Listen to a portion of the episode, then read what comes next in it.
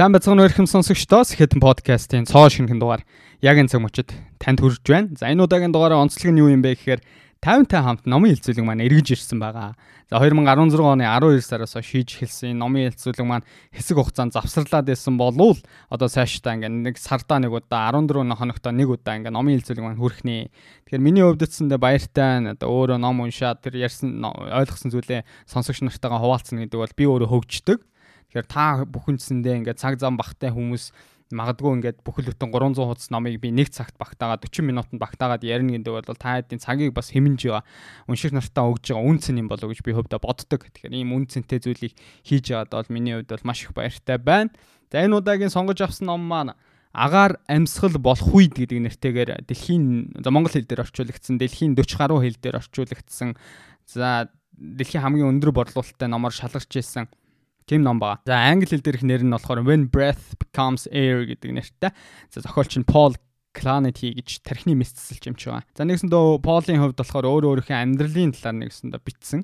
За амьдралынхаа бүхэл бүтэн том хугацаа гэхээсээ илүү 22 сар уушигны хорт авдартай өөрөө тэнцсэн тархины мэдсэлч гэдэг эмчийн байр сууриас өвчтний орлоо шилжсэн. За тэр хугацааныхаа тэр мэдрэмжийг 22 сар уушгины хор тавдартай тэмцэжсэн тэр тэмцлийнхээ талаар бол өгүүлсэн маш их урам зориг өгсөн. Ер нь хүн үхэлтэй нүүр тулгарсан ч гэсэн өхөн үхтлээ хүн бол амьдрсан шиг амьдрч чаддгиймаа гэдэг санааг бол өгсөн тийм гайхалтай ном байгаа. За тэгээд номоо бол өөрөө бичиж дуусгаж чадаагүй хорт хавдрыг хавдартай гэдгийг ойлгосноос хойш бол энэ номоо бол бичих сэтлэн төрөөд за тэгээ 22 сарын хугацаанд бол пиццэг эмчилгээ химийн эмчилгээ хийж явах хугацаанд бол энэ номоо өөрөө бичсэн байдаг. Тэгээд номоо дуусгаж чадаагүй өөрөө нас барсан. За тэгэхээр номынхын төгсгөл хэсгийг бол хайрт эхнэр Люси нь бол төгсгөлийнх нь хэсгийг бол бичиж энэ номыг бол дуусгасан гэдгээр онцлогтой. За Полын хувьд 36 наснда уушгины хорт тавдар буюу одоо бүр дөрөвдүгээр үе шатн дээр энэ хорт тавдрыг бол мэдсэн. За тухайн үед эрентхэн зураг үзүүлээд тэгээд ингээд энэ оншоол бол тогтоож ирсэн. Тэгэхээр 36 наснаас өмнө Пол бол бараг амьдралынхаа 16 жил 17 жилийг өөрөө өөрийгөө хөгжүүлэхэд бол маш их зарцуулсан. Өөрөө энэ номынхоо дунд хэсэгт бичсэн байдаг л та. Хор тавдар турчаад би бүхэл бүтэн амьдралынхаа тэгээ 3-1-ийг магадгүй ингээд үүнээс их хугацааг өөрөө өөрийнхөө ингээд ур чадварыг хөгжүүлэх гэж зарцуулсан. Гэтэл дахиж энэ амьдралтаа хизээж ашиглахгүй тийм ур чадварыг би хоримтлуулахад ингэж их цагийг цаг завыг зарцуулсан гэж үг харамсдаг байхгүй. Тэгээ би номын 1-р хэсэг дээр илүү түлхүү ярина. Пол одоо өвдөхөөс өмнө ямар амьдралын хэм маягтай байсан бэ? Яагаад өөрөө энэндээ жоохон харамсаж ингэж эргэж ярьдаг вэ гэдгийг бол 1-р хэсэг дээр илүү дэлгэнэнгүй юу ярих гэж бодож байна. За энэ ном маань хоёр хэсгээс бүрддэг. Нэгдүгээр хэсэг болон хоёрдугаар хэсэг. За нэгдүгээр хэсэг бол Полыг хор тавдар тусгаас өмнө эрүүл амьдралын тэр нөгөө хэмнэлтэд байсан тэр үеийнхэн тухай бичдэг. За хоёрдугаар хэсэг нь бол хор тавдар гэдэг оншийг мэдсний дараагаар тухайн хүний амьдралд ямар өөрчлөлт бол бий болсон бэ? Сэтгэл зүйд нь ямар өөрчлөлт бий болсон бэ? Ирээдүйн талаар бодох тэр бодолт нь яаж нөлөөлсөн бэ гэдэг талаар өгүүлдэг. За ингээ хоёр хэсгээр бол номын хэсэг маань бүрддэг юм а. Тэгэхээр та бүхэндээ хоёр хэсгийг бол илүү сайхан товч тодорхой гол бидэнд уншигч биднэрт хүрэх гээд байгаа санааг хүргээд тэгээ хов хүнийхээ бас би эндээс юу ойлгосон би энэ дээр юу гэж бодож байгаа гэдэг дүгнэлтээ хэлээд яриад явчихъя гэж бодож байна. За ном маань юу гэж эхэлдэг вэ гэхээр ерөнхийдөө Пол маань 6 сар тасралтгүй биеийг өвддөг. Шөн унтаад орондоо маш ихээр хөлөрт сэрдэг. За тэгээд нуруу руу маш их хүчтэй өвддөг Тэгээ иймэрхүү байдалтайсэн. Нэгсэндээ 80 кг-аас 65 кг руу бүр 15 кг-ыг бол пол хассан. За тэгээ 6 сарын хугацаанд биеийн өвдөд эхний эрентген зураг авахулсан чинь эхний эрентген зураг дээр төдийлөн янз бүрийн үр дүн гардаггүй. За тэгээд полын хувьд бол үргэлжлүүлэл ажиллаа хийгээл явдсан. Яг 36 наснда бол нөгөө тархины мэдсэлчийн ажлыг бол хийж исэн тийм цаг үеэсэн. За тэгээ номын эхлэл хэсэгт бол яг тэр өвдөлт нь яаж анх мэдрэгдсэн. За тэгээд эхний тэр оншоо яаж мэдсэн бэ гэдэг зүйлийг бол илүү дэлгэрэнгүй ярилцдаг ба. За тэгээ 36 наснда яг л Полын амьдралыг би түрүүн хэлсэн. Тархины мэдсэлчээр тухайн үед ажиллаж исэн. Яг хорт автар гэдэг тэр оншийг мэдхээс өмнө бол 36 наснд Пол бол уулын оргил дээр баг гарцсан тийм хүн байсан. Тийм одоо энгийн үгээр зүүрлж хэлэх юм бол. Яагаад тэгэхээр ангаахын салбарт бол нэлээд нэр хүндтэй өөрийнх нь одоо баг чаддггүй хагалгаа байхгүй. Маш том том тархины мэдсэлийн хаалгаануудад бүгдэнд нь өөрөө гар бие оролцсон. Өөрийнх нь эрдэм шинжилгээ судалгааны ажлууд нь бол энэ тэнд нийтлэгддэг. За тэгээд э, нэлээд нэр хүндтэй эмч. За тэгээд энэ тэнд бас ажлын санал авдаг. Ер нь бол өөрийнх нь амьдрал бол бүр ердөө нэг 15хан сарын дараа яг 15хан сар л дахиад гүрийчих юм бол нэгсэндээ өөрийнхөө мэрэгчлээ аваад одоо нэг ангаахын эмч нар чинь 4 жил ангахаас сураад цаашаа мэрэгчдэг штэ. Америкийн нэгдсэн улсад бол 7 жил мэрэгчдэг юм байлээ. Тэгэхээр ангаахын энэ эмч гэдэг яг нарийн нарийн мэрэгчлэр ингээд суралцаад эмч болж байгаа хүний хувьд одоо тархины мэдсэлчийн эмч гэх юм бол доор хаяж одоо 11 жил суралцдаг юм байна. Тэгжээж нэгсэндээ гэрчлэгийг авдаг. За Полын хувьд бол ердөө 15 сар үлдсэн байсан. Яг тэр гэрчлэгийг авах авахд бол тэгэхээр Пол бол өдөр болгон тасралтгүй 14 цаг бол тасралтгүй ажилладаг. За тэгэл анх нөгөө 6 сар огцом өвдөж эхлэхдээ бол өвчин намдах юм уугаал тэгэл өдрийн 14 цаг хагалгааны ард 9 цаг зогсоол тэгэл ингээл өөрийнхөө биеийг хайрлахгүй ингэж ажилдаг ийм амьдралын хэм маягтай эмч ээжээ. За тэгээд хэдхэн сарын дараа бол нөгөө эрентгээний зураг ахуулаад нэг үр дүн мэддэхгүй байсан чинь бүр ингээд цаг хугацаа явах тусам бол чэйжэр нь маш ихээр хөндөрлөж эхэлсэн. За тэгээд яг цэйжэр хөндөрлөж тэр эхэлсэн хугацаанд бол Пол ер нь 30 30-аас 40 настай хүмүүс бол хорт тавдраар тусам магадлал хэр идэв ингээд өөрөө бол маш их судалгааны ажил хийж эхэлдэг. За тэр үед бол эхнэр гэргийн Люсетиг бол гэрэлтсэн байсан. Хамтдаа амьдэрдэг байсан. Тэгээ нөгөөдөр хамтдаа салхилаад явж исэн чинь Люси санамсаргүйгээр өөрийнх нь утсыг ингээ оролдож ягаад хорт тодрын талаар мэдээлэл ингээд хайсан тэр хэсгийг олцдог байхгүй. Тэгээд Люси нэгсэндээ сэтгэлээр унаад чи энэ өөрийнхөө энэ өвдөлтөнд ингээд маш их санаа зовж байгаа юм уу те бүр ингээд хорт тавдар байж магадгүй хэмжээнд чи ингээд бүр бодож санаа ширч байгаа юм уу? Яагаад чи тэгээ энийг одоо надтай ингээд ярилцахгүй байгаа юм бэ гэдэг нэгсэндээ хоорондоо маргалддаг. За тэгээд түүний дараа хамтдаа Нью-Йорк руу найзуудтайгаа уулзаж тань уулзаж суухаар одоо нэгсэндээ аяллаар явах тийм төлөвлөгөөтэй байсан. А гэтэл Люси бол буюу гэргийн хамт явдггүй. Нэгсэндээ хэсэг хугацаанд хоёулаа 7 хоног завсрал авъя тий. Би өөрөө сэтгэл зүйчдэр очих хэрэгтэй байна. Тэгээд хоёулаа жоохон тус тустай байя гэдэг санал дэвшүүлдэг. За Люси тэгээд үлдээд а Полын хувьд болохоор Нью-Йорк руу найзууд руугаа явдаг. За тэгээ Пол Нью-Йорк руу яваад нэгсэн маш өвдөлт нь бүр ингээд онгосноос буугаад ингээд найзуудынхаа гэрлүү бүр ингээд явах тэр мөч бол одоо номон дээр дүрсэлж ицсэн байдаг. Бүр алхаж чадахгүй ингээд сандал дээр түшиж ингээд хэвтээд маш их өвдөлтийг ингээд мэдэрсэн. За тэгээ найзууд дээр очиод төд удалгүй тэгэл 3 4 онол буцаал Сан Франциско руу нисдэг. За их дөнгөж онгосноос бууцсан хайрт гэргийг нь бол тосож авсан байдаг. За хайрт гэргийн тосож авсан чинь нэгсэндээ Люси бүх мэдээллийн талаар бол мэдсэн. Ер нь Пол ямар шинжилгээ өгч байсан, ямар зөвөртэй байгаад байгаа, сүүлийн үед юунд их анхаарат байгаа бүх мэдээллийг авцсан байсан. За тэгээд дөнгөж эмнэлгээс буугаад ер нь дахин нөгөө ахуулсан нэг шинжилгээний явцсан шинжилгээний хариу нь гартсан. За тэгээд рентген зураг дээр бол нэгсэндээ хорт авдартай гэдэг оншин бол бүрэн батлагддаг аа уушигны хорт авдар. За тэгээ уушигны хорт авдрын тэр хариуг сонсчоод эмнэлэг дотор хоёлаа хамтдаа. Тэгээ Пол бол нэг л зүйлийг ярьдаг. Маш чангаар уйлаад эхнэр лүгөө хараад гэргэр рүүгээ хараад яг одоо чи надад хэрэгтэй байна л гэдэг үгийг хэлдэг. За Люсигийн хувьд гэсэндээ би чамайг ямар ч үед орхиж явахгүй гэдэг үгийг хэлдэг. Энэ үнэхээр энэ номын хамгийн гоё хэсгүүдийн нэг.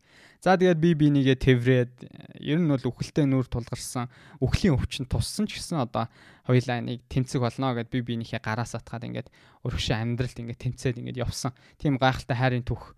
Бас энэ хоёр бол цаана хэдий өвдөлттэй байгаа хэрнээ цаана бас маш гоё хайрын түүхийг бас харуулж чадсан тийм гайхалтай хосууд байгаа. За ингээ эхний хэсэг бол яг иймэрхүү байдлаар бол өрнөдөг. За өөрийнхөө хорт тавдрыг анх мэдсэн талаараа ямар мэдрэмж төрж исэн гэж. Дөнгөж хорт тавдартай гэдэг тэр мэдрэмжийг аваад ингээд эмнэлгийн орон дээр өөлөд ажихад өөрөө хэлсэн мэт. Зарим хүмүүс ингээд үхэлтэй нүур тулгарсан өвчин тусчаад амьдралыг илүү утга учиртай болгосон, үлдсэн амьдралаа илүү утга учиртай өнгөрөө гэдэг надад сэтэл өгсөн гэж маш олон ном ном зохиол дээрээс би уншиж байсан. А гэхдээ үнэндээ бол надад бол тийм мэдрэмж ерөөсө төрөөгүй. Харин эсэргээр ямар мэдрэмж төрсэн бэ гэхээр бүхэл бүтэн өөрийнх нь энэ амьдралыг ингээд 40 жилээр нь төлөвлөсөн байсан чинь зүгээр миний энэ уртлын ирээдүйн зам руу ингээд галт бөмбөгөөр ингээд бөмбөгдсөн юм шиг тийм муухай надад мэдрэмж төрүүлсэн гэж өөрөө битсэн байдаг.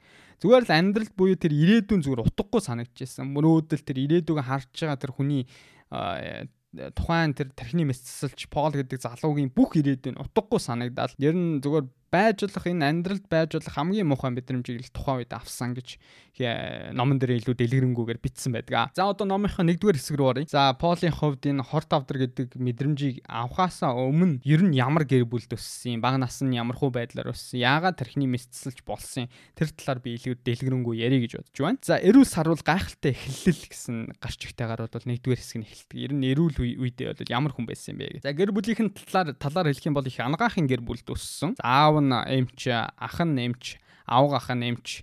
За тэгээд өөрөө 16 настай хүүхэд бол ер нь уран зохиолд нэлээд сонирхолтой байсан. Яагаад уран зохиолд нэлээд сонирхолтой байсан бэ гэхээр ээж нь бол үнэхээр супер эмэгтэй байсан. Өөрийнх нь гурван хүүхдийн боловсролд бол маш их анхаардаг.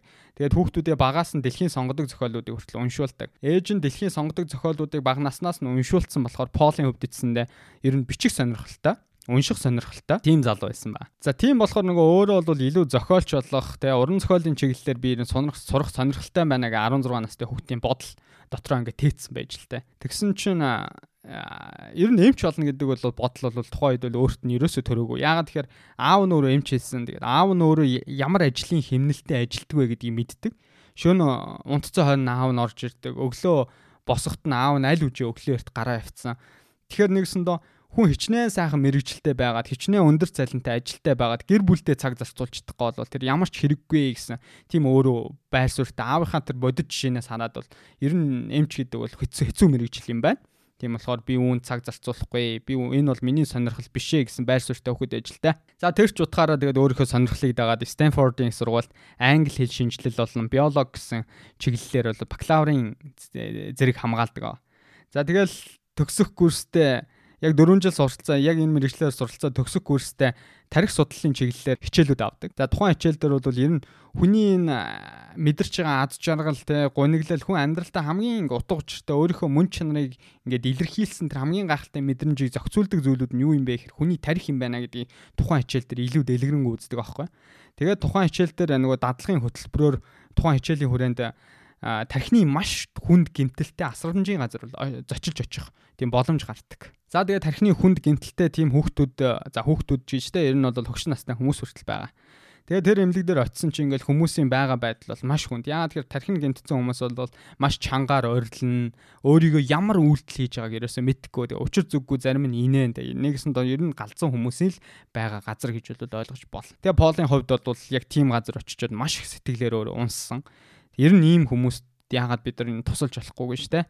Тэгээ өөрийнх нь нөгөө бага насны нөгөө бага насндаа их уран зохиолын ном уншдаг байсан болохоор үхэл гэдэг зүйлийг илүү э, судалдаг байсан. Ер нь хүн үхэлтэй нүур тулгаруул яг ямар мэдрэмж авдаг юм бол үхлийн талаар өөрөө ойлгох гэж хичээдэг тийм төрлийн үхтэйсэн. За тийм болохоор ийм амар хүнд баг үхснээс ялгаагүй тийм хүнд одоо байдалтай байгаа тийм хүмүүсийг хараад бол өөрөө их эмзэглэж хүлээж авч байсан. Тэгээ тухайн үед нөгөө басрамжийн газрынхаа хүнтэй ярилцдаг. Тэгсэн чинь ер нь энд гимтээд ингээд ирсэн хүүхдүүдийг энэ өгшин настай хүмүүсийг эхлээд гэр бүл нь 7 хоног болгон эргэж ирдэг байдаг. За заримдаа бүр амралтын өдрөөр эргэж ирнэ. Заримдаа ингээд сүүлдээ бүр 3 сард л нэг удаа ирдэг болчдөг. Тэгээд заримдаа бүр зул сарын баяраар л ирдэг тий. Заримдаа бүр 3 4 жилдээ нэг удаа ирдэг. Тэгээд сүүлдээ ирэхээ байчдаг. Тэр гэр бүлийнх нь хүмүүс хүртэл хайртай хүмүүс нь хүртэл энэ хүмүүст бол ингэж ханддаг юм аа гэж хэлсэн. Тэгээд эргээд нөгөө профессор дээр дадлага дуусгаад эргээд багштайгаа ирээд уулзсан чи багш нь баг наад хүмүүс чинь зарим нь ингээд иймэрхүү байдалтай байж хахын хооронд баг үгснэн дээр штэ гэдэг үгийг хэлээд тэгээ нэг э, Пол бол маш их бухимдаа тэр үгэнд нь бухимдаанд бол хаалгыг хаагаад бол гарч явсан тухайгаа бол номон дээр илүү дэлгэрэнгүй бичдэг. За тэгээд э, бакалаврын зэрэгээ хамгаалчихж байгаа Стэнфордын сургуульд. За бакалаврын зэрэгээ хамгаалчаад цаашаа англи хэл шинжилэлээр магистрийн зэрэг хамгаалахаар болдог. Стэнфордын сургуульд нэгсэндээ дэвшээд. За тэгээ мастрын зэрэгээ хамгааллаа.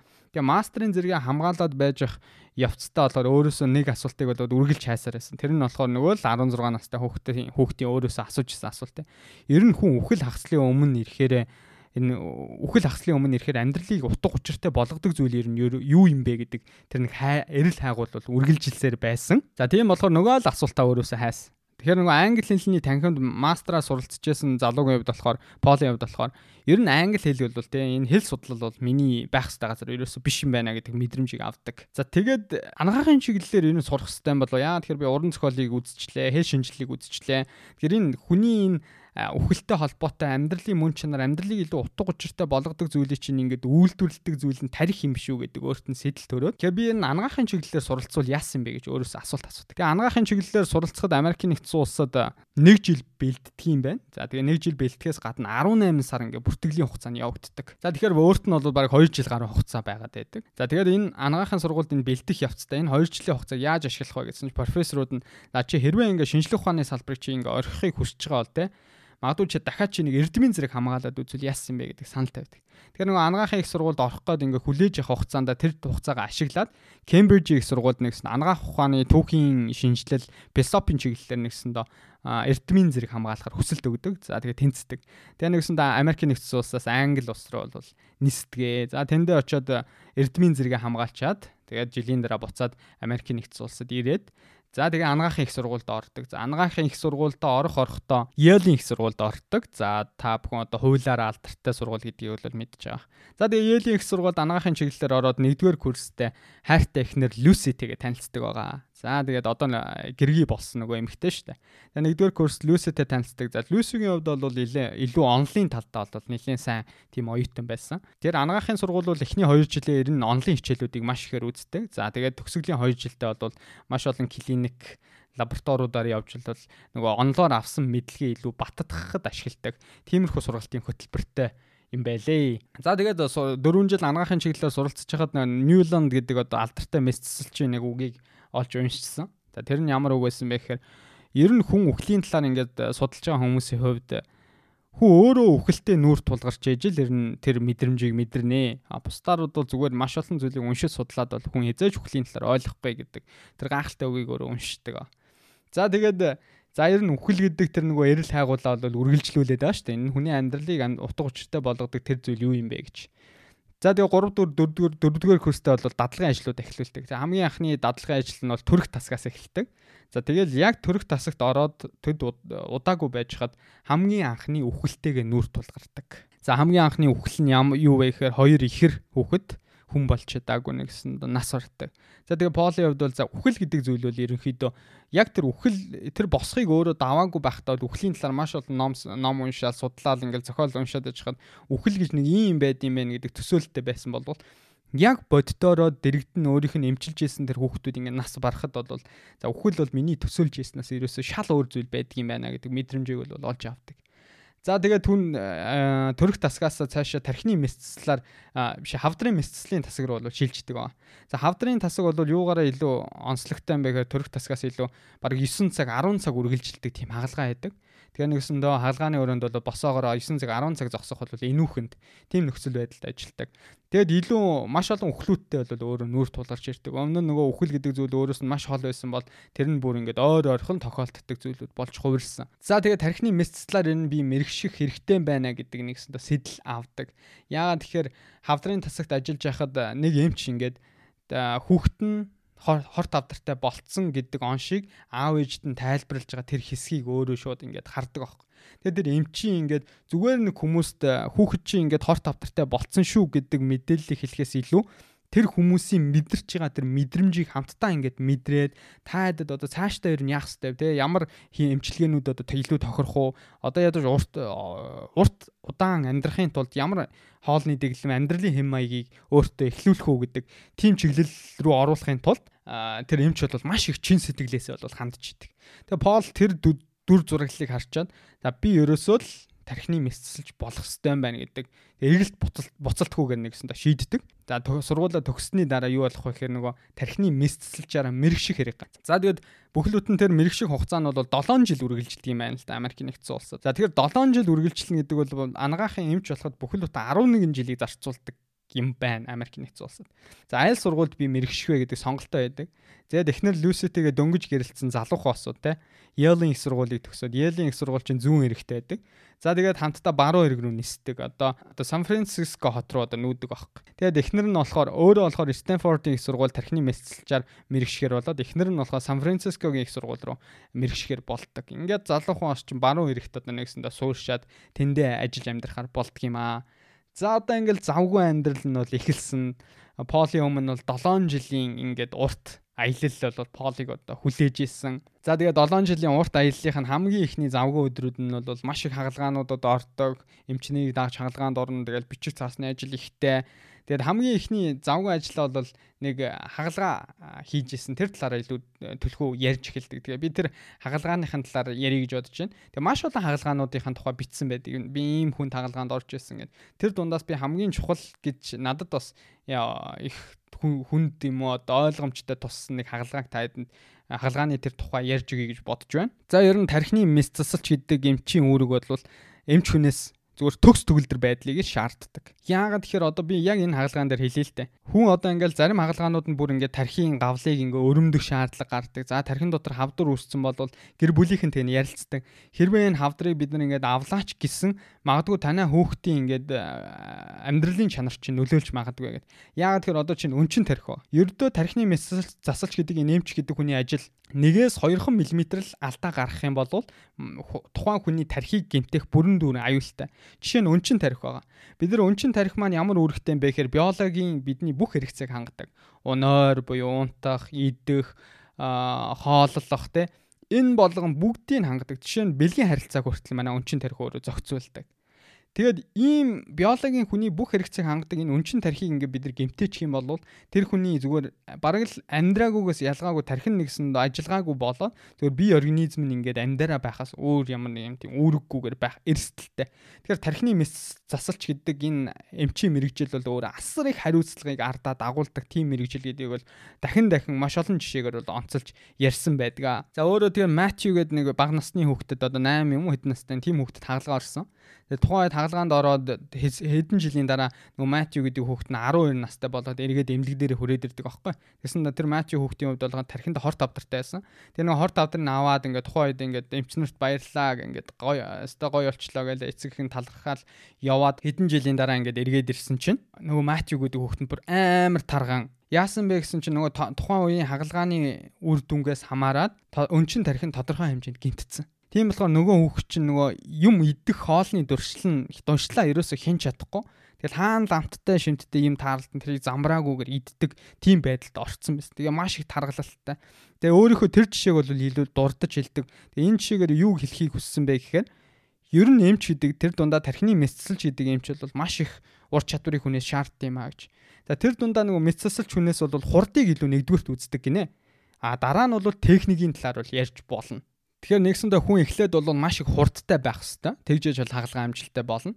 А хурдтай болоод ажиллаа сурцсан хүний хувьд бол дараа нь тэр ур чадвар техник дээр илүү ажиллах ажиллахад бол ямар ч асуудалгүй байдаг гэдэг тийм нэг бичигдээгүй дүрэн байд юм байна л та. За тэгээ боолын хувьд бол маш олон төрлийн хүн тагалгаануудад орж үзээд нөгөө 7 жилийн хугацаанд бол маш их туршлагыг бол хоримтлуулдаг. Маш олон хүмүүсийн хүндлэлийг ч хүлээдэг. Өөрийнхөө эмнэлэгт бол тодорхой хэмжээний байр суурьтай тийм эмч бол болж чаддаг. За тэгээд нөгөө өөрөө энэ тархины мэссэлчээр ажиллаад маш олон хүн тагалгаа хийгээд явж явах хугацаанд маш олон үхэлтэд нүр тулгалсан гэж хэлсэн шүү дээ. Тэрэн дээрээс нэг агуулгыг хэлхийг хүсдэг. Тэр агуулга нь юу вэ гэхээр хүмүүс ер нь үхэлд маш тийм идэхгүй ханддаг. Гэтэл бид нар энэ үхэл гэдэг зүйлийн талаар тодорхой хэмжээнд бодож явах хэрэгтэй гэдэг санаа хэлдэг. Дээрэс нь өөрөө эмч явах хугацаанд өөрөө өөр өөрөөсөө бас нэг өөртөө нэг сэтгэл дундуур нэг зүйлийг илүү онцолж хэлдэг. Тэр нь юу вэ гэхээр бид нар ингээл үхэлтэй эмч хүн үхэлтэй ойр орхон нүур тулгараад ирэхээ сүултээ энэ дасал болчдөг тий. Ингээл хүн үхчихлээдэг. Тэнгүүт нөгөө эмч нар чинь за бид нар ингээд аврах гээд аварч чадсангүй. Тэнгүүд тэр өвч өвчтний тэр нас орсон хүний ар гэрийнхний яг мэдэрч байгаа зүйлийг төдийлөн бид нар 100% ерөөсөө мэдэрч чаддгүй байсан байна гэдэг өөрөө өвцсний дараа бол 100% ойлгодог. Тэгэхээр эмч хүн гэж зүгээр эмчийн нэр зүүсэн тийм загвар төдий хүн байхаас илүүтэйгээр тэр өвчтөн хаалгачийн төвшөө ороод ирж яхад ингээд онлайн төвшөнд энэ ийм өвчин юм байна. Та ийм юм уах хэвээр. Нэг бол энэ нэдгшгүй өвчин, энэ нэдэх өвчин гэдэг зүйлээр тэр өвчтнийг ингээд гаргахаас илүүтэй тэр хүний дотор сэтгэл дотор мэдэрч байгаа тэр мэдрэмжийг илүү ойлгох тийм ээ тэр хүнтэй хамтдаа байгаад одоо ямар эмчилгээ хийх вэ цаашдаа юун дээр анхаарах уу гэдэг ингээд нэгсэнд бол маш энгийн үгээр зүүрэлдвэл гарнаас нь хөтлөөд ингээд явж чаддаг тийм хүнийг бас эмч хүн гэдэг юм аа гэдгийг өөрөө онцолж хэлсэн байлаа тэгээд энэ хэсэг нь бол надад маш их таалагдсан За одоо номынхаа 2 дугаар хэсэг рүү орж ийн. Ер нь бол Полийн амьдрал бол нэг иймэрхүү байгаа даа. Тэгэхээр Пол бол 3 том ихтэй 3-аас 4 ихтэй сургуулийг төгссөн. Нөгөө номын ихэнд подкаст ихэнд хэлжсэн 17 жил боловсралтай бол өстой тасралтгүй хөрөнгө оруулсан хүн байгаа өстой тий. Тэр амьдралынхаа хэм маягчсан дээ ерөнхийдөө завгүй тийм амьдралын хэм маягаар амьдарч исэн нөхөр байгаа даахгүй. За хоёрдугаар хэсэг бол оршихуйн төгсгөл гэдэг нэртэйгээр үл эхэлдэг. За одоо яг өвдсөн процесс буюу хорт тавтар гэдэг оншоо сонссноос хойш түүний амьдралд хэвийн амьдрал нь яаж өөрчлөгдсөн бэ гэдэг түүхийн талаар бол өөрөө бичсэн байд юм аа. За тэгээ ажил дээр одоо маш олон удаа таардаг нэг үхэл гэч зүйл нь өөртөө нь одоо яг боддоор бол нүүр тулгарч байгаа. Тэгээд эмчийн байр сууриас өвчтний орлоо шилтсэн тэр мэдрэмж бол Полын хувьд бол хизээж одоо хүсэж байгаагүй тийм маш муухай бол мэдрэмж байсан. Тэгээд одоо чинь одоо би яагаад тэр муухай мэдрэмж гэдэг би үгээр ингээд илэрхийлэхээс гадна Полын тухайн бодит нөхцөл байдлыг хэлье л дээ. Өмнө нь одоо Пол шээс нь хүрэх юм бол те зүгээр борч яваал бид нар ингээ нөгөө биднес ингээ хичээл зүтгэж шаардахгүйгээр бид нар ингээ 0-ороо шээдэг үстэй тий. Тэгэд Полын хөвд шээгтэй хүртэл маш их хүч хичээл зүтгэл шаарддаг. Тэгэд орноосоо босч явах тэр тэнцвэрээ хүртэл ингээ өөрөө хадгална гэдэг бол Полын хувьд бол аимшигтэй хэцүү тийм мэдрэмж байсан. Тийм болохоор энэ амьдралд нь тухайн үед мэдэрчээсэн одоо яг тийм хүний мэдрэмж тухайн үед яг ямар мэдрэмжийг мэдэрх үү гэдэг өнцгөөс нь таад бодоод үзэх юм бол угаасаа таад нэг тодорхой хэмжээнд буух байх буух болов уу гэж бодож байна. За тэгээ хорт авдартай гэдэг оншоо мэдчихэд үрийн шингэнэ үрийн банкнд хадгалуулахаар явдаг их нэртэйгээ хамт. Яагаад тэгэхээр нөгөө хорт авдрын эмчилгээнүүд эмнүүд нь болохоор эр бэлгийн эсийг бол маш хүчтэй гимтээдэг. Тийм болохоор эр бэлгийн эсийг гимтээхээсээ өмнө үрийн шингэний ингээ хадгалуулчихъя гэдэг. Үрийн банкн дээр очиж үрийн шингэний хадгалуулдаг. За тэгээ үрийн шингэний хадгалуулсныхаа дараагаар шинжилгээнийх нь хариу нь гардаг. Тэгээ шинжилгээний хариу нь дахиж явцсан шинжилгээний хариу нь юу гэж гардаг вэ гэхээр полын хор тавдрыг бол эдгэрэх эмчилгээ хийх бас боломжтой байна гэдэг хариу гардаг. Тэгээ нөгөө сэтгэлээр унтсан ирээдүйн утга учиргүй санагдцсан. Тэгээ надад ер нь хэдхэн жил үлдсэн байгаа дээ гэдэг тийм мэдрэмжтэй суужсэн хүнд ийм мэдээ сонсонгууд нөгөө өчүүхэн ч гэсэн те нэг юм оч. Тэгээ итгэлийн гал бол асдаг. Хамтдаа бол их нэртэйгээ ямар ч байсан хоёул эмчилгээ хий те Магадгүй 5 жил эмчилгээ нүр дүнтэй болох юм бол дахиад 5 жил амьдарч магадгүй 10 жил амьдарч магадгүй. Тэр бол хувь хүний одоо биеийн онцлогоос бол шалтгаална гэдэг зүйлийг бол зөвлөх хэмжтэйг бол хамтдаа ярилцдаг байгаа. За тэгээд Полын хувьд бол бүхэл бүтэн амьдралынхаа 40 жилийг төлөвлөсөн хүн байсан шүү дээ тий. Эхний 20 жилийг одоо би ингээд мэрэгшиж дуусаад тархины мэс засалчаар ажиллана. За үлдсэн 20 жилийг бол ном зохиол бичиж өнгөрөөнө гэд бүхэл бүтэн амьдралын 40 жилдээ төлөвлөсөн хүн өхлийн өвчнөд тулгарнгууд надад нэг ердөөл 1 2 жилийн нас байгаа гэдэг мэдрэмжийг авангуудаа яаж бүх 40 жилийн амьдралын тэр төлөвлөгөөг 2 жилд багтаах юм бэ те асар хэцүү байхгүй. Тэгээ тиймэрхүү одоо хүний одоо төсөөлж байгаагүй тийм хүнд одоо зүйлүүдтэй өөрөө нүүр тулгалдаг.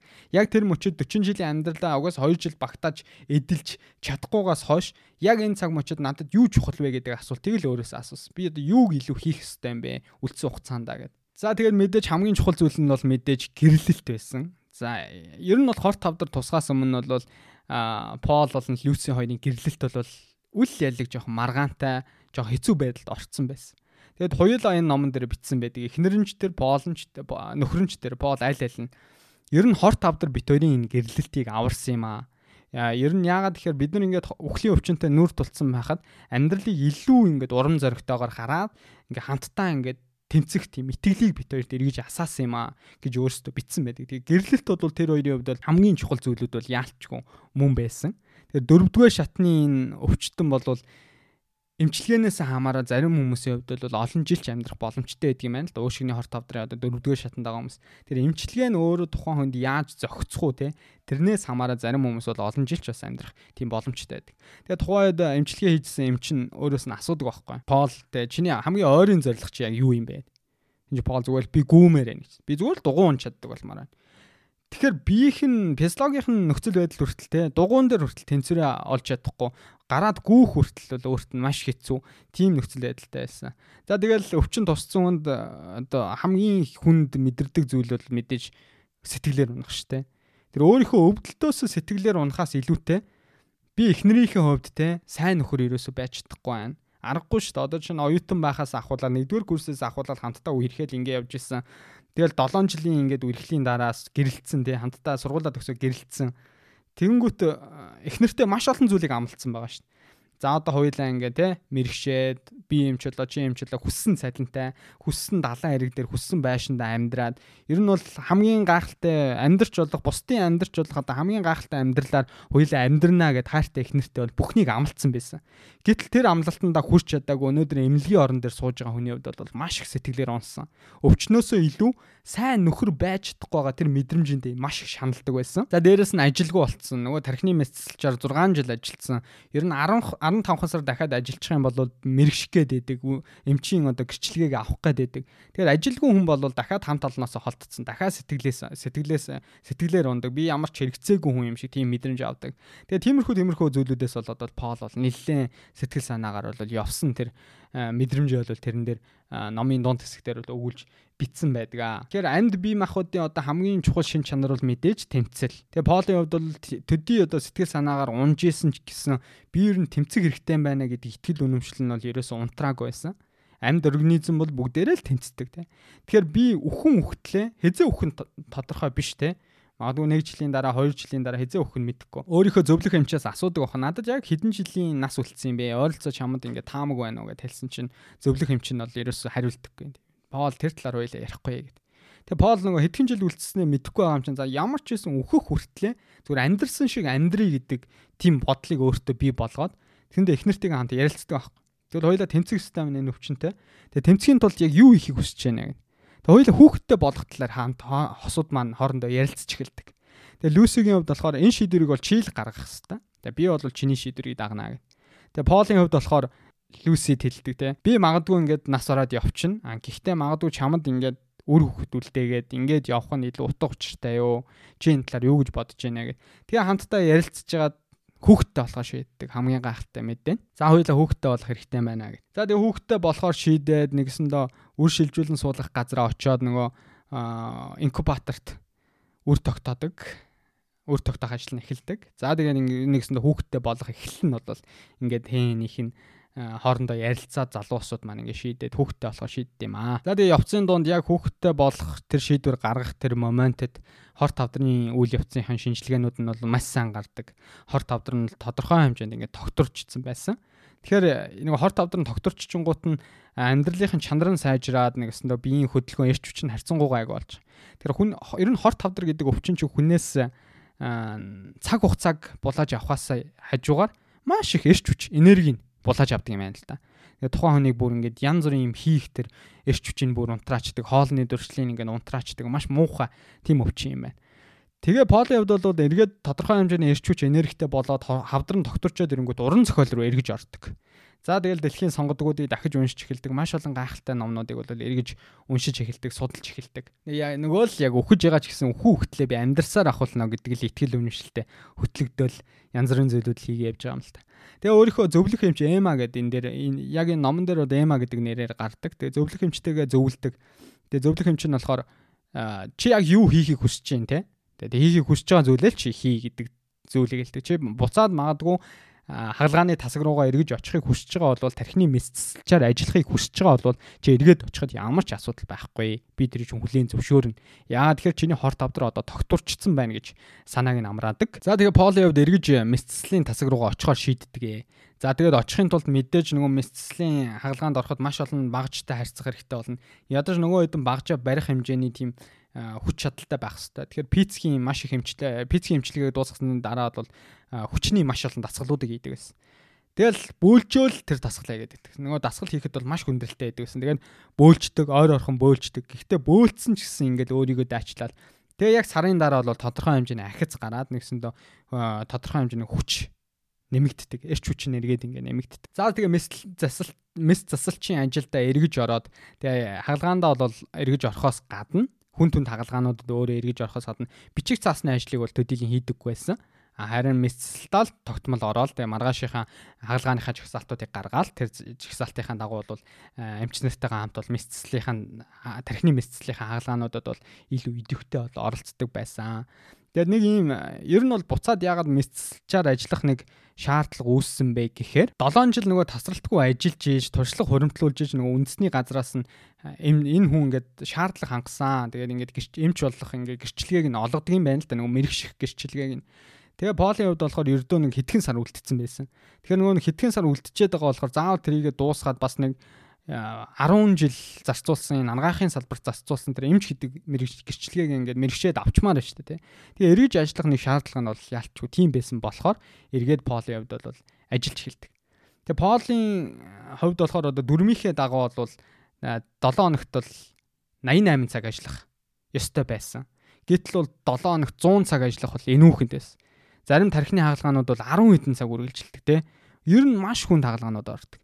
Тэгээ Пол бол жишээ нь би энэ хорт авдар туссан нэг шалтгаан нь бас юу ээж болох вэ гэхээр өөрийгөө хайрлаагүй ажилтаа ингэ зүтгэцсэн. Яагаад тэгэхээр зарим хагалгаанууд шөнийн 2 цаг дуусдаг. Тэгээ шөнийн 2 цаг дууссан гот Пол ингэ эрч хүч нөгөө цэнэглэх energy drink уугаал те.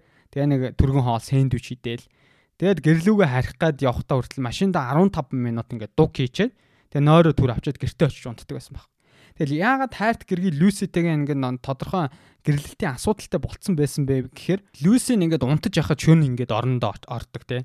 Тэгээ өглөө Люсин сэрээгүй байхад өглөө ингээд Люсиг орхиод эхнэрээ орхиод ингээд орноосоо босоо явдаг. Бүгдүүд нь тийм амьдралын хэмнэлтэй болцсон байсан.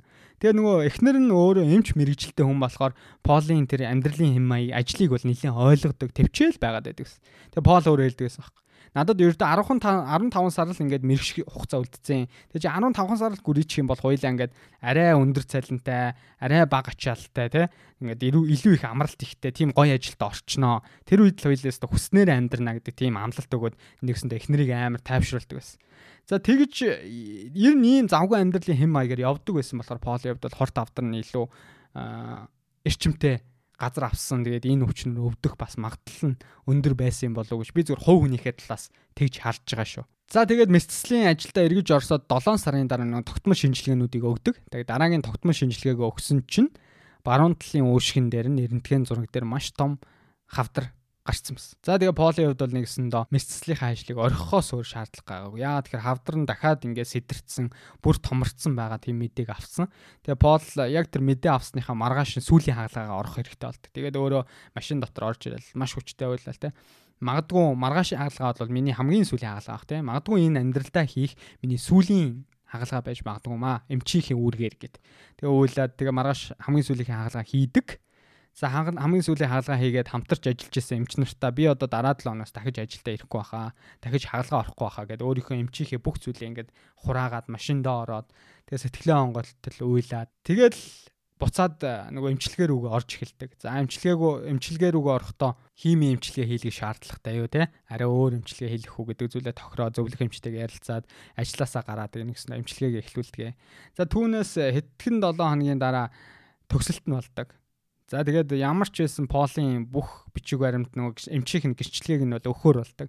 Тэгээд төгсөлтөн дээр Полыг үрдэг. За ингээд тархины мэсэлчээ та ингээд мэрэгшиж байна гэд. Тэгээ Пол төгсөлтийнхөө өдөр хувцсан амсаал өөрийнхөө ингээ гоё доорээ тавиал яг төгсөлт рүүгээ явах болсон чинь маш хүчтэйгэр бөөлждөг. Тэгээ төгсөлтөн дээр тэр өдөр очиж чаддаггүй. А төгсөлтөн дээр бүр очиж чадахгүйгаас гадна бүр сэхэн амьдруулах тасаг руу хүргэгддэг. За тэгээд эмчилгээгээ хийгээд эмч нартайгаа маш олон тусал залгуулад тодорхой хэмжээнд биеийн дээрдээд эргэж гэртээ гардаг байгаа.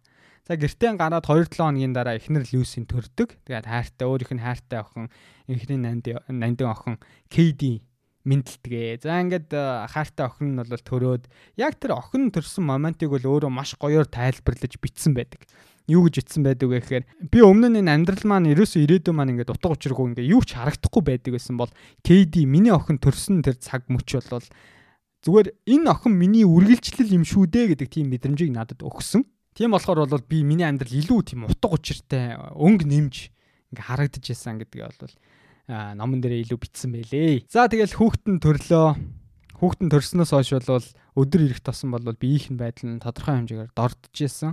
Тэгэхээр одоо жишээ нь Пол хэлдэг аахгүй. Өмнө нь би 40 жилийн ингээд амьдралын төлөвлөгөө гаргацсан амьдарч исэн залуу ингээ хорт авдар гэдэг зүйлийг сонссны дараа яг үнэндээ хэлэхэд үдийн хоолны дараа юу болох нь надад бол хамаагүй болж эхэлсэн. Яг энэ цаг мөчөдөө л би илүү юу мэдрэхийг хүсэж байна, юуг бусдад ойлгуулахыг хүсэж байна. Би тэр нь л надад илүү утга учиртай санагцсан гэж хэлдэг аахгүй. Үдийн хоолны дараа юу болохын тэр нь би санаа зовж яах юм гэ тэ. Тэгэд энэ бас бидэнд хүрэх гээд байгаа нэг мессеж юм болоо гэж миний хувьд бол ботсон. Тэгээ охиндоо хандаж маш гоё үг хэлсэн байдаг. Хизээ нэгэн цагт миний охин чи том болоо тий. Одоо миний аав яг ямар хүн байсан бэ гэж чи өөрөө эргэж дурсах юм бол чи аавынхаа үхэлтэй нүүр тулгараад байж ах тэр агуу их тэмцлийн тэр итгэл итгэлийг чи надад өгсөн юм шүү тий. Тэмцэх ёстой гэдэг итгэлийг надад өгсөн. Дээрээс нь чи надад аав нь аавдаа ингээд нэг амьдралын утга учирыг ойлгуулж чим надад ирсэн юм шүү гэдэг тэр нэг гоё үгийг бодлол бичиж номон дээр үлдээсэн байдаг. Зайл охинтойгоо бол одоо сүүлийн Охин нь төрснөөс хойш 8 сарын дараа 2015 онд 15 оны хавар нэгсэнтэй бурхан болдог, нас бардаг. Тэр охинтойгоо хамт 8 сарыг бол хамтдаа өнгөрөөдгөө. Охин төрснөөс хойш. За тэгээд охинтойгоо хамт хамгийн анхны зул сараа тэмдэглэж байгаа тэр хэсгийг бол номон дээрээ маш гоёор ингээд яг л кино шиг ингэж бичиж үлдээсэн байдаг. Ер нь гэр бүлийнхний бүгдийг цуглуулаад тэр халуун талан уур амьсгалтай. Тэр хэсэг бол бас энэ номын нэг гоё чимж өгсөн хэсэг бол яалтчгүй мөний хувьд мөн. За тэгээд Полын хувьд бол эмнэлгийн орон дээр маш хүнд байдалтай хүргэгдээд 8 сарын дараа охин нь төрснөөс 8 сарын дараа тэгээд өөрөө ерөнхийдөө яг эмнэлгийн орон дээр тэгээд өвдөлттэй байж үедээ за одоо би бол үхэлт бэлэн гэж эхнэртэй хэлдэг. Тэгээ над руу одоо намайг өхүүлэх одоо морфин тариа тий би одоо ингэ болсон гэт. Тэгээ яалтчгүй Полын хүсэлтийг бүгд хүлээн зөвшөөрөөд нэгэнт угаасаа одоо энэ хүнийг бол биеийн дээрдүүлэх ямар ч боломж авахгүй гэд морфин тариад тэгээ хамаг биеийнх нь булчингийн ингэ суллаад яг өөрийнх нь ингэ таймнаар үхлийн зам руу ингэ үдэх үдэж өгдөг байгаа. Тэгэл аартай гэр бүлийнх нь бүгдээрээ тойрч төр эмнэлгийн өрөөнд ингээл зогсоол Пол эхнэр нь хүртэлтэй. Чи бол миний амьдралын хамгийн гайхалтай. Чи намайг хайрлсан баярлаа гэж хэлдэг байхгүй. Ямар гоё үг вэ те. Би тэр энэ үгийг сонсоод э, би л энэ номыг э, уншаад бол үйлсэн энэ үг байлгээд. Тэгээд чи намайг хайрлсан баярлаа гэж хэлэх тэр эхнэр Люсигийн үг бол зүгээр л өө ямар гоё үг вэ. Би тэр үгэнд бол үнэхээр их дурлсан. Одоо ч ингээл яг ингээд чихэн дээр хэлээд байгаа юм шиг санагддаг байхгүй маш гоё. Тэгэд Люси бол ер нь хүн үхэлтэй нүрт тулгархад тэр үхлийг давн туулах ганц зүйл юу юм бэ гэж хэлдэг баг. Тэр нь хайр. Тэгээ Люси үнэхээр гайхалтай гэргийж чадсан. Полын хувьд зөндөө сайн нөхрөөж чадсан. Тэгээ энэ хайрын хүчээр бол хамтдаа 22 сар тэмцсэн. За тэгээ 22 сарын тэмцэл бол тийм утга учиргүй үн цэнэгүй зүйл бол ерөөсөө байгаагүй гэдэг зүйлийг хэлдэг. Зарим хүмүүс одоо чинь хорт авдар үхлийн өвчнөд тулгарчаад ингээд эмнэлгийн цонхоор хараад үхлээ хүлээгээд хэвтэж идэг бол Пол бол харин эсрэгээрээ те эргээд уран зохиол руу орсон, эргээд тархины мэсцэлчаараа ингээд маш маш хүнд хаалгаануудыг 7 сарын хугацаанд хийсэн. Пол бол хязгаарч бууж өгөөгүй эргээд дасгал хөдөлгөөнүүдэд тогтмол хийдэг байсан. Дээрээс нь бүр хүүхэдтэй болсон. Энэ бол хамгийн том шийдвэр байсан. Дахиад нэг хүний ингээд амьдралыг бий болгоод нэг хүнд амьдрал үлгэлээд ингээд бурхны орон руу явсан тийм гайхалтай одоо эр зөрөгтэй э, мэсцэлч эмч эмчийн дүрээрээ бол өөрийнхөө хайртай хүмүүстэй бол үлдэж хоцорсон байгаамаа. За тэгээ өхлийн хүртэл сөрөн зогсох тийм их хайр бол энэ хоёр сайхан хосуудад бол хоёуланд нь бол хамтд нь байсан. Тэгээ Полын хэлдэг нэг гоё үг байдаг. Та хизээч төгс төгөлдөр байж чадахгүй Харин та жоохон хичээх юм бол түүнд магадгүй илүү их дөхөж дөхөж магадгүй юм шүү гэдэг тэр үг бол бас хүмүүст хүрэх гээд байгаа нэг гол гол мессеж юм болоо гэж бодсон. За тэгээд энэ номноос 50 гэдэг хүний хувьд юу ойлгосон бэ гэдэг зүйлийг хэлэх юм бол миний хувьд болохоор ийм зүйлийг ойлгосон. Амьдрал өөрөө тэнцвэр юм байна гэдэг зүйлийг. Жишээ нь амьдралд бид нар ингээд муу зүйлийн талаар ерөөсө ботохгүй бол те үргэлжил эрэг бай, эрэг бай, эрэг бай гэдээ яваадах юм бол заримдаа үхлийн талаар те заримдаа ингээд амьдралд муу тохиолдож болох муу зүйлийн талаар бид бодохгүй байгаа давал энэ амьдралд яг юу чухал юм бэ гэдэг зүйлийг ерөөсөө бид олж харддаг юм байна. Тэгэхээр бид нар хайдаа бас үхэл болно. Амьдралд ийм тохиолдчул яах вэ гэдэг талаар сайн бодож явах хэрэгтэй байна. Жишээ нь одоо ингээл би ирээдүйд одоо үр хөхтэй болно шүү дээ, тийм. Тэнгүүд би жишээ нь э, тамхи татаад авах юм бол тийм би ирээдүйд ингээд өөр шиг янз бүрийн хорт авдраар өвдөх магадлал надад нэмэгдэн шүү дээ. Тэгэхээр би бодох нь шүү дээ ирээдүйд би ингээд охиныхоо хормон дээр ингээд гоё ингээд бүжиглээ зогсож юмаа штэ. Охиныхоо хормон дээр ингээд аав нь гээд ингээд нэг сайхан залуу ингээд зогсож юмаа штэ би. Тэнгүү тийм зүйлийн талаар бодонгот ирээдүйд нэг чи муу зүйлийн талаар би бодчихж байгаа штэ. Муу зүйл юм шиг. Тэнгүүд өнөөдөр төр би амьдралд юу чухал вэ гэж бодохоор би энэ тамхи гэдэг зүйлийг хаях хэрэгтэй байна гэж хүн чинь бодох нь штэ өнөөдрийн ингээд таашаал өнөөдөр мэдэрч байгаа энэ гоё мэдрэмжийн чухал юм уу? Ирээдүйд 20 жилийн дараа хайртай охиныхоо хормон дээр аз жаргалтайгаар инээмсэглээ зогсож явах нь чухал юм уу гэдгийг хүн илүү ойлгох нь. За эсвэргээрээ амьдрал тохиолдож болох сайн зүйлүүдийн талаар бас маш сайн бодож явах хэрэгтэй. Хэрвээ илүү амьдрал тохиолж болох сайн зүйлүүдийн талаар бид нар бодохгүй байгаа юм бол маш олон гайхалтай боломжуудыг ерөөс олж харахгүй. Тэр амьдралд 10 жилийн дараа 5 жилийн дараа ийм гайхалтай зүйл миний амьдралд болно. Би ийм зүйлийг хүсэж чинь гэж хүн бодонгууд өнөөдөр надад яг тэр 5 жилийн дараах цэг дээр очихын тулд өнөөдөр надад ямар боломж байгаа вэ гэдгийг хүн харддаг юм байна. Ямар боломжийг өөртөө бий болгох вэ гэж хүн хичээдэг юм байна. Тэгэхээр амьдрал бол тэр чигтээ ингээ баланс агаад байгаа. Тэр тэнцвэрийг өөрөө хадгалах хэрэгтэй тэр тэнцвэр дээр хүн өөрөө амьдрчиж энэ амьдралд илүү утга учиртай, илүү гэрэл гэгээтэй өгсөн ч би хүснээрээ амьдрч чадсан юм шүү гэдэг тийм мэдрэмжтэйгээр энэ хормог орхих тийм боломжтой болов гэж миний хувьд бол ботсон. Дээрэс нь амьдрал гэдэг бол ингээд нэг уулын оргил дээр гарах тийм аялал бол ерөөсөө биш юм байна. Бид нар нэг уулын оргил дээр гарчгаар л нэг сах үзэгсэлэн байгалыг харах гал те. Тэр цэг дээр очичоор бүх зүйл амьдрал гоё болчих гал нэг ад жаргал гэдэг зүйл тэнд байгаа юм шиг те. 35 наснд хүрчгээр л ад жаргалтай болох гээд байгаа юм шиг. Хадгаламжиндаа нэг сая доллартай болчоор л гоё үнэхээр хүсэж байгаа мөрөөдлөөр амьдрах гээд байгаа юм шиг бид нар бодоод байдаг аахгүй. А гítэл тэр цэг рүү очих энэ зам буюу энэ аялал чи өөрөө ямар чухал юм бэ гэдгийг бол ойлгуулсан ба. Өнөөдөр тэр уулын орой руу гарах тэр замын аялал те бартаа чулуу ой мод тэр шуудын жиргээ тэр болгоныг мэдрэх чинь л өөрөө хамгийн чухал юм шүү. Тэр чинь л өөрөө амьдрал юм шүү гэдэг санааг бол биднэрт энэ номоор дамжуулж зохиолч маань илэрхийлхий хүссэн юм болов уу гэж миний хувьд бодож байна.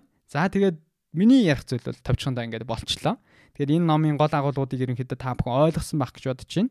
Тэгэхээр би бинийгээ хайрлаж, иргэн тойронч өвчтэй, зовлонтой хүмүүс байх юм бол тэр болгоныхоо дэрэгдэн байж халуун гараа сунгаж би бинийгээ гоё хайрлаж амьдраарай гэж та бүхэнд хүсмээр байна. Яг одоо энэ ковидын үед маш олон бидний ойр тойрны хүмүүс бол өвдөж байгаа, таньж мэддэг хүмүүс өвчнөд нүүр тулгарч байгаа. Өвчин бол өөрөө хэлж ирэхгүй. Тэгэхээр яг энэ цаг мөчид энэ подкастыг сонсож байгаа бол яг энэ подкастыг дуусгаад хайртай хүн лүгээ залгаарай. Хайртай хүн лүгээ залгаж яг өнөөдөр чи юу мэдэрч чинь сэтгэл санаа чинь хэр байна?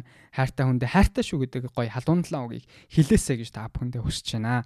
Тэгээд таавнтай хамт номын хэлцүүлгийг сонссон та бүхэндээ маш баярлалаа. Скетэн подкастын дараа дараагийн дугаараа дахин уулзтлаа. Түр баяртай.